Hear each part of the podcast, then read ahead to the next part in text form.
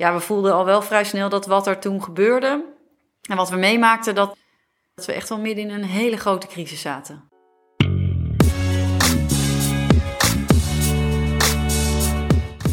De Crisispodcast.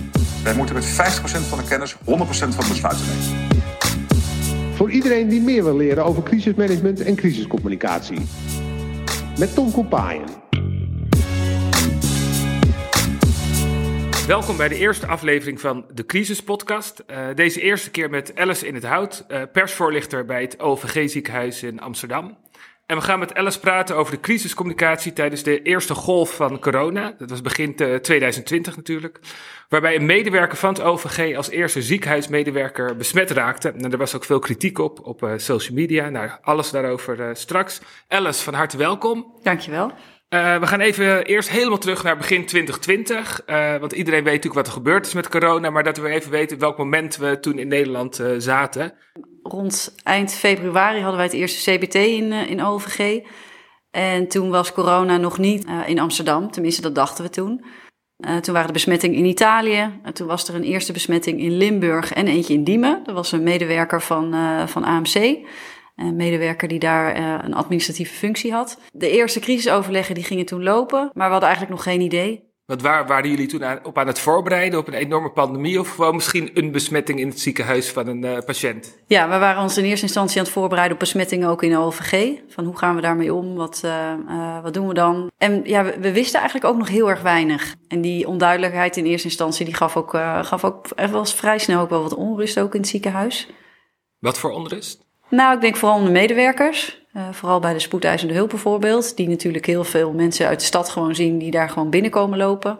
En uh, die onrust die werd, die werd groter toen de eerste besmetting in OVG uh, kwam. En met de eerste besmetting bedoel je dan een patiënt of een medewerker? Het was een medewerker. Dus nog voordat er eigenlijk een besmette patiënt het ziekenhuis binnenkwam, hadden jullie een besmette medewerker? Ja, we hadden in eerste instantie een besmette medewerker. En ik weet nog heel goed, ik werd...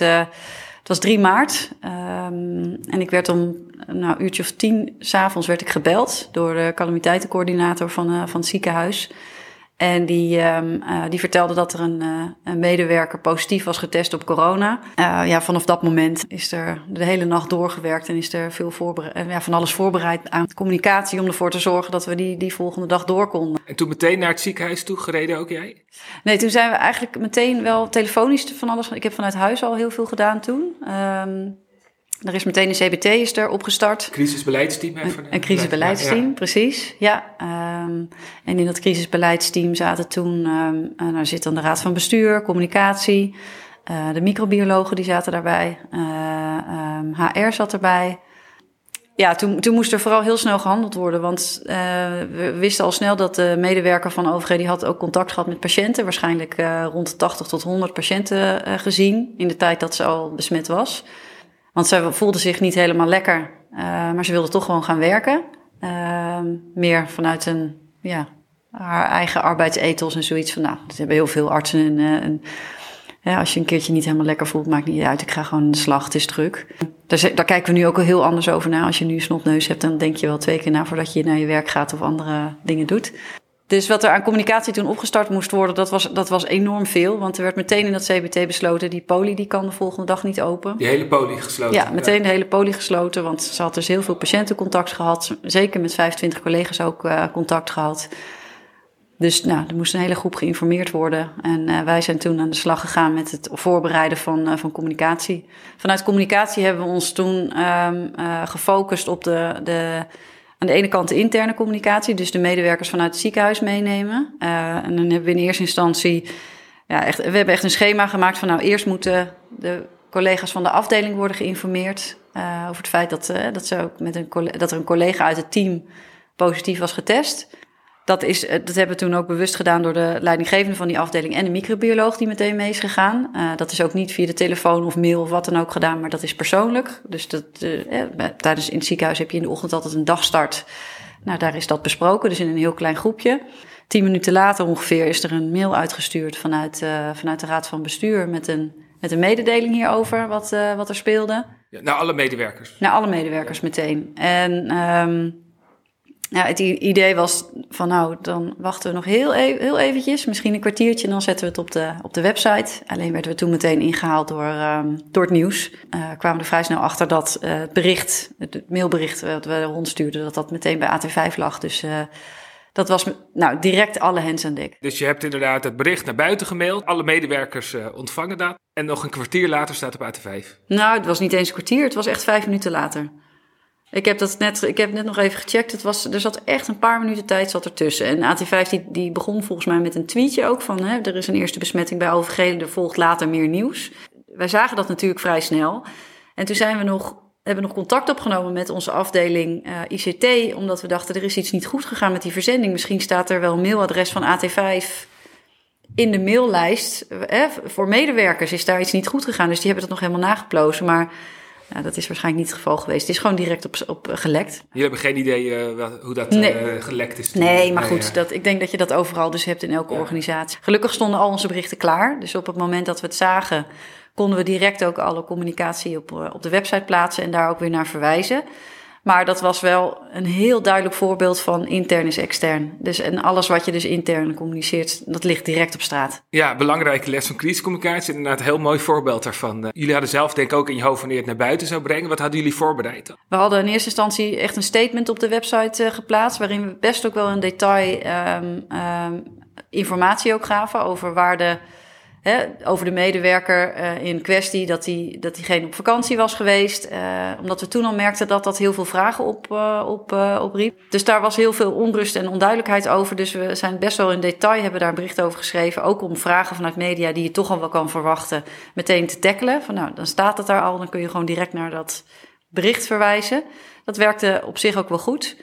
Alsnog krijg je natuurlijk veel vragen en moet je heel veel herhalen. Maar het is fijn dat het dan allemaal al op een rijtje staat. En, ja daarin merkten we wel dat de boodschap die we daarin meegaven, dat die wel, dat die wel redelijk oké okay werd overgenomen. En wat was die boodschap? Het was heel feitelijk. Het was ja. heel feitelijk en ook heel informatief uh, in eerste instantie. Uh, want je, het is, het, is de, het, het, het, communiceren van het feit dat er een besmetting is, maar je wil ook handelingsperspectief bieden aan, uh, aan je patiënten. Van wat kunnen die nog doen? Zijn andere patiënten wel veilig in het ziekenhuis? wat voor maatregelen nemen we? Ja, dus er kwam ontzettend veel kwam erbij kijken. Uh, dus dat hebben we steeds moeten aanvullen met Q&A's die iedere, nou ja, ieder uur wel uh, werden aangevuld. Want, want uh, het was naar buiten en toen, wat gebeurt er dan? Gaan er meteen tientallen telefoontjes? Ja. Op het moment dat het dan naar buiten is, dan gaat het, dan gaat het los. En dan, dan, word je, dan staat de telefoon rood gloeiend. Dan wil iedereen weten wat er aan de hand is, wat voor maatregelen we nemen. Maar ook heel erg veel vragen over de medewerker zelf. En hoe dat toch kon gebeuren. Uh, nou, dat kun je je nu ook niet meer voorstellen, omdat het al, ja, corona is bijna een, uh, ja, bijna een soort ingeburgerd. En dat was een eerste besmetting van één persoon in het, in het, uh, in het ziekenhuis. En dat gaf al, ja, dat was, dat was echt enorm nieuws was dat. Want wat voor vragen krijg je dan over die medewerker? Nou, hoe het kon, of er geen maatregelen waren genomen, of we op de hoogte waren, waar diegene was geweest, nou, dat soort dingen.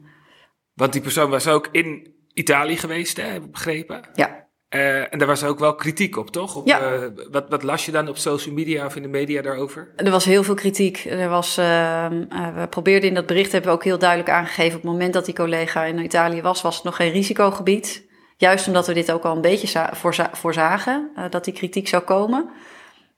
dus op het moment dat zij daar was, was het geen risicogebied. Op het moment dat die besmetting binnenkwam, toen was het wel een risicogebied. Maar op het moment dat zij er was, nog niet. Dus nou dat probeer je allemaal uit te leggen. Maar dat is we merkten ook al vrij snel dat dat heel lastig was, omdat het gaat bijna te veel in detail. En, en wat mensen dan lezen is besmetting OVG Italië.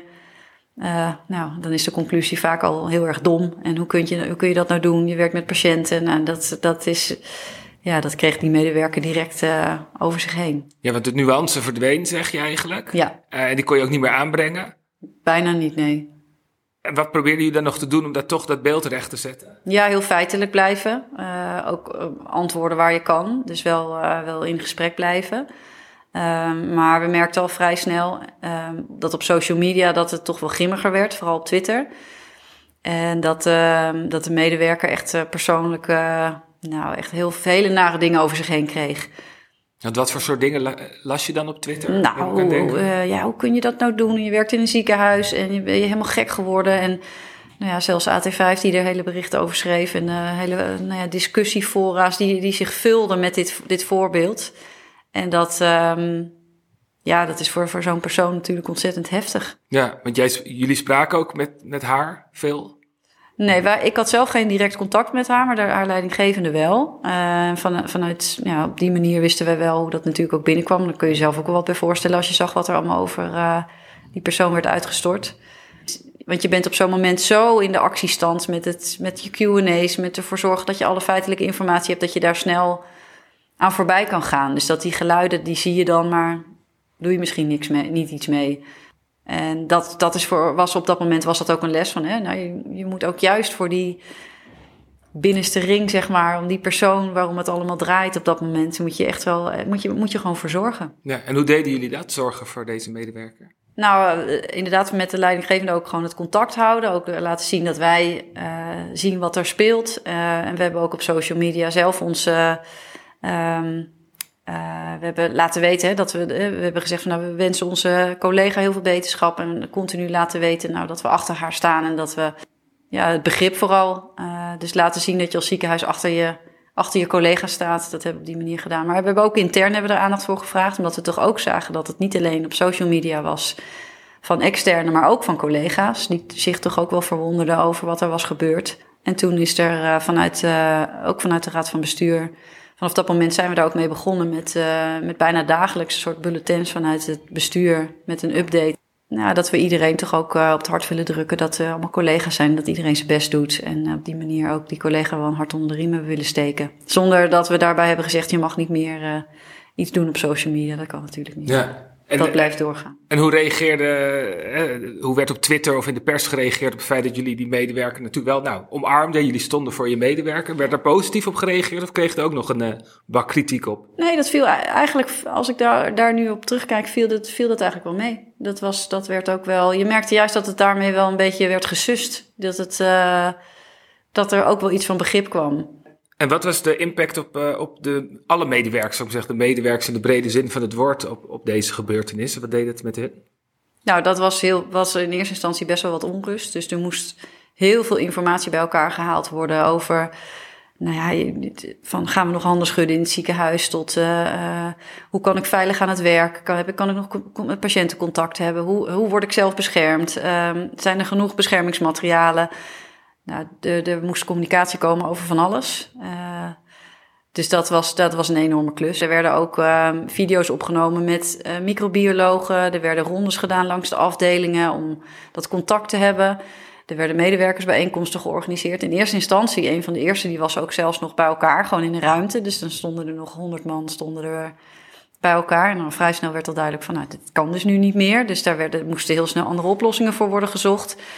Ja, dus het, was, het was, moest binnen een hele korte tijd moesten we naar een, naar een andere manier van werken. En was het continu uh, je informatie aanpassen. En er werd toen vanuit het RIVM werd er heel veel gecommuniceerd. En dus wij, uh, daar had je een hele directe lijn mee. En alles wat daar, daar verwezen we ook heel veel naar. En dat vertaalden we dan weer naar de situatie voor in het ziekenhuis.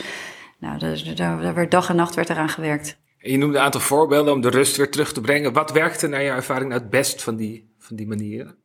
Um, ik denk dat die rondes, dus het langsgaan en uh, echt met, uh, met de microbiologen en de experts langsgaan en in gesprek, dat dat heel goed werkte. Er zijn ook heel veel positieve reacties gekomen op die, op die bulletins, eh, dagelijks vanuit de Raad van Bestuur, waarin de stand van zaken in het ziekenhuis werd, uh, werd meegegeven. Daar werden ook, um, nou, het, het, het verslag van het crisisbeleidsteam werd daar niet in meegestuurd, maar er werd wel echt meegegeven wat er, wat er werd besproken en wat daar ook de uitkomsten van waren.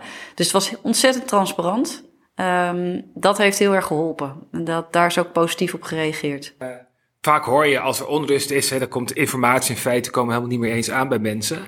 Uh, ik hoor dat jullie juist heel veel met informeren ook rust hebben proberen te brengen. Mm -hmm. Wat is jouw ervaring daarin? Staan mensen nog open voor die feiten en die informatie? Werkt dat wel? Of? Ja, ik denk juist in het begin dat mensen er echt om stonden te springen, omdat er nog zoveel onduidelijk was. Dus dat was ook een soort van houvast. Maar het was ook zoeken. Het was echt zoeken in hoe je dat nou goed doet. En dan, ik denk dat we in het begin ook heel veel bezig waren met echte medewerkers. Om daar de rust te bewaren en om ervoor te zorgen dat zij goed uh, op de hoogte waren van alles. En daarnaast natuurlijk je patiënten. Want er zijn ook de, het hele ziekenhuis moet, werd, werd nou ja, binnen, binnen een paar weken compleet anders. Maar wat gebeurde met de patiënten? En je merkt al wel vrij snel dat juist die duidelijkheid over van nou waar kiezen we voor, dat dat heel erg belangrijk was. Want in die beginperiode was er ook nog wel een verschil in hoe de ziekenhuizen met de situatie omgingen. En ook bij ons in het ziekenhuis zelf. Er was inderdaad een eerste, waren, er, waren er artsen die nog wel een hand gaven en anderen weer niet. Dus sommige patiënten moeten op verschillende plekken in het ziekenhuis zijn. En die werden dan door de ene uh, arts of verpleegkundige wel met een hand uh, begroet en door de ander weer niet. Dus daar was veel, heel veel verwarring over in het begin. En we merkten al wel vrij snel door daar gewoon echt een duidelijke keuze in te maken en te zeggen, nou we doen het zo. Uh, dat, ja, dat werkte het best. Ja, goede, goede communicatie is niet mogelijk zonder goede besluiten eigenlijk. En wat waren nog meer echte communicatiedilemma's waar jullie voor hebben gestaan? Nou, ik denk vooral die, die onduidelijkheid. Ik denk ook dat we in het begin heel veel zelf wilden communiceren ook. Dat lukte gewoon niet, omdat het, de informatie zich zo snel opvolgde. Dus dat we al vrij snel dachten van, nou, we gaan gewoon verwijzen naar RIVM. Ja. Die hebben gewoon informatie over um, het virus zelf, hoe je daarmee om moet gaan. Dat gaan. Daar gaan wij gewoon helemaal niks meer over zeggen. Nee, en waar richten jullie je dan op? Zeggen, dit is echt van ons, dus dat, dat moeten wij dan juist goed doen? De patiënten, onze eigen patiënten, die staan altijd op nummer één. Uh, en je medewerker. Toen het losbarstte en toen er meer besmettingen kwamen, toen merkte je een enorme steun voor de zorg. Dus er hingen spandoeken rond het ziekenhuis. Uh, nou, dus de sterrenrestaurant stond om de stoep, op de stoep om eten af te leveren. Er was, er was applaus. Het was, ja, het was, dat was ontzettend bijzonder.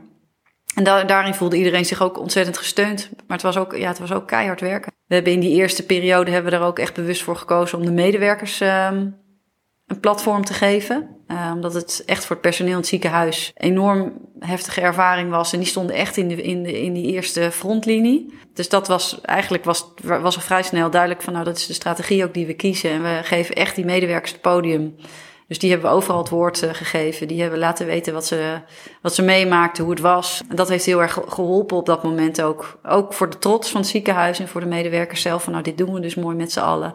Maar ook om de buitenwereld een, beeld te geven van wat er in het ziekenhuis zich afspeelde. En daar kwam ook weer heel veel bij kijken van.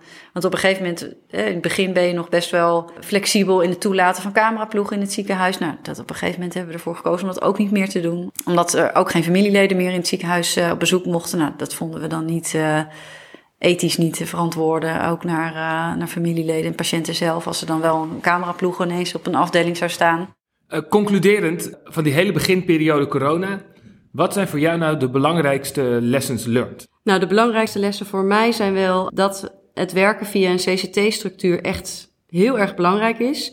Dus dat je vanaf begin af aan de rollen en verantwoordelijkheden benoemt binnen het team.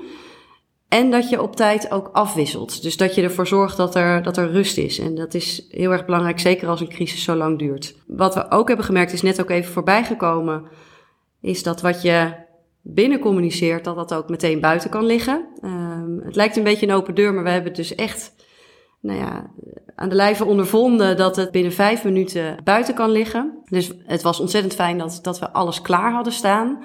Alle middelen, dus dat we er ook direct op konden reageren en ook direct al onze boodschappen op onze website en alle andere kanalen klaar konden zetten. En dat, uh, nou, dat, dat scheelt dan vervolgens weer heel veel vragen die je kunt krijgen vanuit, uh, vanuit media en vanuit andere hoeken. Een andere belangrijke les is kies je ambassadeurs die de boodschap gaan vertellen. Daarin hebben we echt een strategische keuze gemaakt. In de eerste golf waren het bij ons de medewerkers die de boodschap hebben verteld. Dat was bijvoorbeeld niet de raad van bestuur. Uh, andere ziekenhuizen die kozen daar bijvoorbeeld weer voor om de raad van bestuur naar voren te schuiven om te vertellen hoe de situatie was in het ziekenhuis. Wij kozen ervoor om de medewerkers een podium te geven. Dat werkte ook heel erg goed, omdat we merkten dat, we, uh, dat er daardoor een gevoel van trots ontstond binnen, binnen het ziekenhuis. En ja, die medewerkers deden het natuurlijk ook echt. En die doen het natuurlijk ook nog steeds. Dan uh, als laatste les uh, die ik zou willen benoemen hier is... blijf continu monitoren. Weet wat er leeft in de buitenwereld. Zodat je vanuit daar um, advies kunt maken voor in je CBT. En uh, kunt reageren op, op, op wat er leeft en wat er speelt. Zodat je het aansluiten bij, bij het sentiment door te monitoren hebben wij bijvoorbeeld gezien dat, um, nou, het, plaatsen van je post op je eigen kanalen, dus op, op Facebook, op je website, uh, op Instagram, Twitter, dat is, dat is in eerste instantie denk je dat is voldoende, maar kijk ook wat andere uh, nieuwsites bijvoorbeeld plaatsen op hun eigen social media kanalen. Want daar ontstaan ook hele discussies over, over de situatie. Ik benoemde net al eventjes de medewerker bij ons in het ziekenhuis, de eerste dus die um, COVID had bij ons. Um, daar werd op die nieuwsmedia werd daar heel veel over gezegd en over geschreven. Uh, wij hebben er op dat moment voor gekozen om daar ook op te reageren. Dus we hebben ons laten zien, ook op de social media kanalen van die, uh, van die nieuwsites. Ja, dus bijvoorbeeld ook onder een AT5 eh, Facebook-website, onder een AT5-post reageerden mensen dan ook op die medewerker. En ook daar reageerden jullie. Ja. ja, en daar lieten we onszelf ook zien. En daar hebben we, nou ja, hebben we ook onze steun uitgesproken naar onze medewerker. En hebben we ook uitleg gegeven waar dat nodig was. Ja, mooi. Mooie lessons learned volgens mij zo. Ik had nog één laatste vraag uh, aan jou, Alice, over het uh, CBT, het crisisbeleidsteam. Je zat er met veel uh, inhoudelijke experts. Was daar nou ook oog voor communicatie? Want soms is communicatie toch een beetje het uh, ondergeschoven kindje. Hoe was het bij jullie?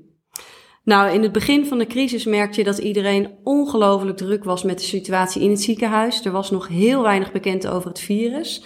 Um, dus alle experts die daar zaten, die hadden, um, die hadden gewoon geen tijd om te, om te zien en om te lezen wat er allemaal speelde in de buitenwereld. Of wat de sentimenten waren in het ziekenhuis. Dus die rol van communicatie was ongelooflijk belangrijk. En die plek die, die moet je ook pakken op zo'n moment. Jij bent echt de spreekbuis eigenlijk voor wat er gebeurt in de buitenwereld en ook in het ziekenhuis zelf. En door dus goed te monitoren, een omgevingsanalyse te maken en vanuit daar ook een duidelijk advies binnen je CBT, heb je echt een toegevoegde waarde als uh, communicatie-expert in zo'n CBT. Voorbeeld daarvan uh, was het handen schudden in het ziekenhuis. Uh, wij konden al vrij snel inbrengen van nou, de, de we hebben niet een, eh, een, eh, een uniform beleid binnen het ziekenhuis. Er zijn uh, artsen die wel een hand schudden en anderen niet. Het is ontzettend onduidelijk voor patiënten. Die weten niet meer goed waar ze aan toe zijn en wat nou wel mag en wat nou niet mag. Nou, vanuit de, de specialisten werd dan gezegd van ja, maar dat, het handen schudden, dat, dat moet gewoon kunnen. Je moet daarna gewoon je handen wassen. Um, momenten van handhygiëne noemen we dat dan in het ziekenhuis. En dat is feitelijk natuurlijk helemaal juist. Maar het gevoel in de buitenwereld was compleet anders. En daar zijn we toen ook, in het crisisbeleidsteam is toen ook het besluit genomen. Oh nee, we gaan nu allemaal stoppen met het schudden van handen. Want op die manier brengen we duidelijkheid naar onze patiënten, maar ook naar onze eigen medewerkers. En dat was natuurlijk voor de, voor de specialisten was dat ook best wel gek. Want er werd dan in plaats van dat er wetenschappelijk werd gekeken naar situatie, was communicatie en, en uh, het sentiment rondom een onderwerp was, was, ja, was, was op dat moment belangrijker. En al vrij snel werd ook duidelijk in die crisis van nou, het gaat helemaal niet meer om, om de feiten en om de wetenschap, maar het gaat ook echt, echt voor een heel groot deel om gevoel en om sentiment en hoe je daarbij kunt, daarbij kunt aansluiten vanuit je ziekenhuis. Wat vonden die specialisten en experts ervan dat in één keer eigenlijk de inhoud op de tweede plek kwam en communicatie meer leidend werd. Hoe reageerden ze daarop? Ja, dat was, dat was wel eventjes wennen, maar ze merkten ook al wel vrij snel dat het niet anders kon. En dat dat de nieuwe werkelijkheid was. En dat Hoe wilde... heb je daar dan van overtuigd? Um, ingebracht, ook laten zien wat er gebeurde in de buitenwereld, welke sentimenten we zagen en dat duidelijkheid gewoon, dat dat veel belangrijker was. Uh, maar stond jij dan met een soort Twitterbericht uitgeprint voor ze? Hoe, dat, hoe... Nee, dat hoeft eigenlijk niet eens. Ik kon echt vanuit mijn eigen rol en vanuit mijn eigen expertise ook vertellen wat ik, wat ik zag. En daarbij dan breng je binnen zo'n CWT breng je dan in van nou, volgens mij moeten we hier een besluit over gaan nemen. Um, en daarbij had, nou ja, denk ik ook dat bij OVG dat het bestuur daarin ook, ook heel goed kijkt naar van wat, wat gebeurt er in de buitenwereld en wat moeten we nu doen en wat is nu belangrijk voor de patiënt. Ja, is die, is die, is die, die communicatieve afweging uh, minstens zo belangrijk als uh, wat er op dat moment echt vanuit de specialisten dan, uh, dan zo wordt gezien. En mocht er uh, een, uh, een, communicatiecollega luisteren die ook uh, af en toe in een crisisteam zit en die lukt het dan niet om binnen de bestuurders of de experts te overtuigen van de communicatie, heb je daar nog een gouden tip voor? En nou, schroom vooral niet om echt te laten zien wat, wat, wat je vanuit je omgevingsanalyse meekrijgt. de buitenwereld naar binnen haal ik zeg het toch maar eventjes op die manier. Wat ik heel erg merkte ook binnen deze crisis en nog steeds, eh, dat onze specialisten die zijn zo bezig met het managen van wat er in het ziekenhuis gebeurt. Die hebben gewoon geen tijd meer om te kijken wat er, wat daar buiten gebeurt. Hoe er op bepaalde dingen wordt gereageerd, wat het sentiment is, wat het gevoel is. Ja, het is zo belangrijk om ze daarin mee te nemen. En ik, ja, vanaf begin af aan werd dat ook als meteen als heel belangrijk gezien. En uh, ja, werd er op een gegeven moment ook gezegd van nou deze crisis, die, dat gaat helemaal niet meer om, om de feiten. Het gaat gewoon puur om, om gevoel en hoe je je communicatie inricht. Dus, dus juist die communicatie binnen zo'n crisis is ongelooflijk belangrijk. Nou, Alice, heel erg bedankt. Uh, en ook een hele mooie tip aan het einde, die mooi bruggetje is eigenlijk naar de volgende aflevering. Uh, dan uh, praat met Sky van Gooswilgen, die een media-analyse maakt voor Rijkswaterstaat, maar die ook bij het RIVM heeft gemaakt aan het begin van corona, waar natuurlijk enorme hoeveelheden berichten binnenkwamen. in andere afleveringen komen ook nog de crisismanagementlessen uit politieachtervolgingen en een gesprek met Ferry Zandvliet, die de aanslag in de Bataclan in Parijs overleefde. Je kan de Crisis-podcast vinden op al je favoriete podcastplayers zoals Apple Podcasts en Spotify. Abonneer je nu gelijk op dit kanaal en dan zie je direct wanneer de volgende aflevering weer online staat. En voor nu bedankt voor het luisteren allemaal. Tot de volgende keer.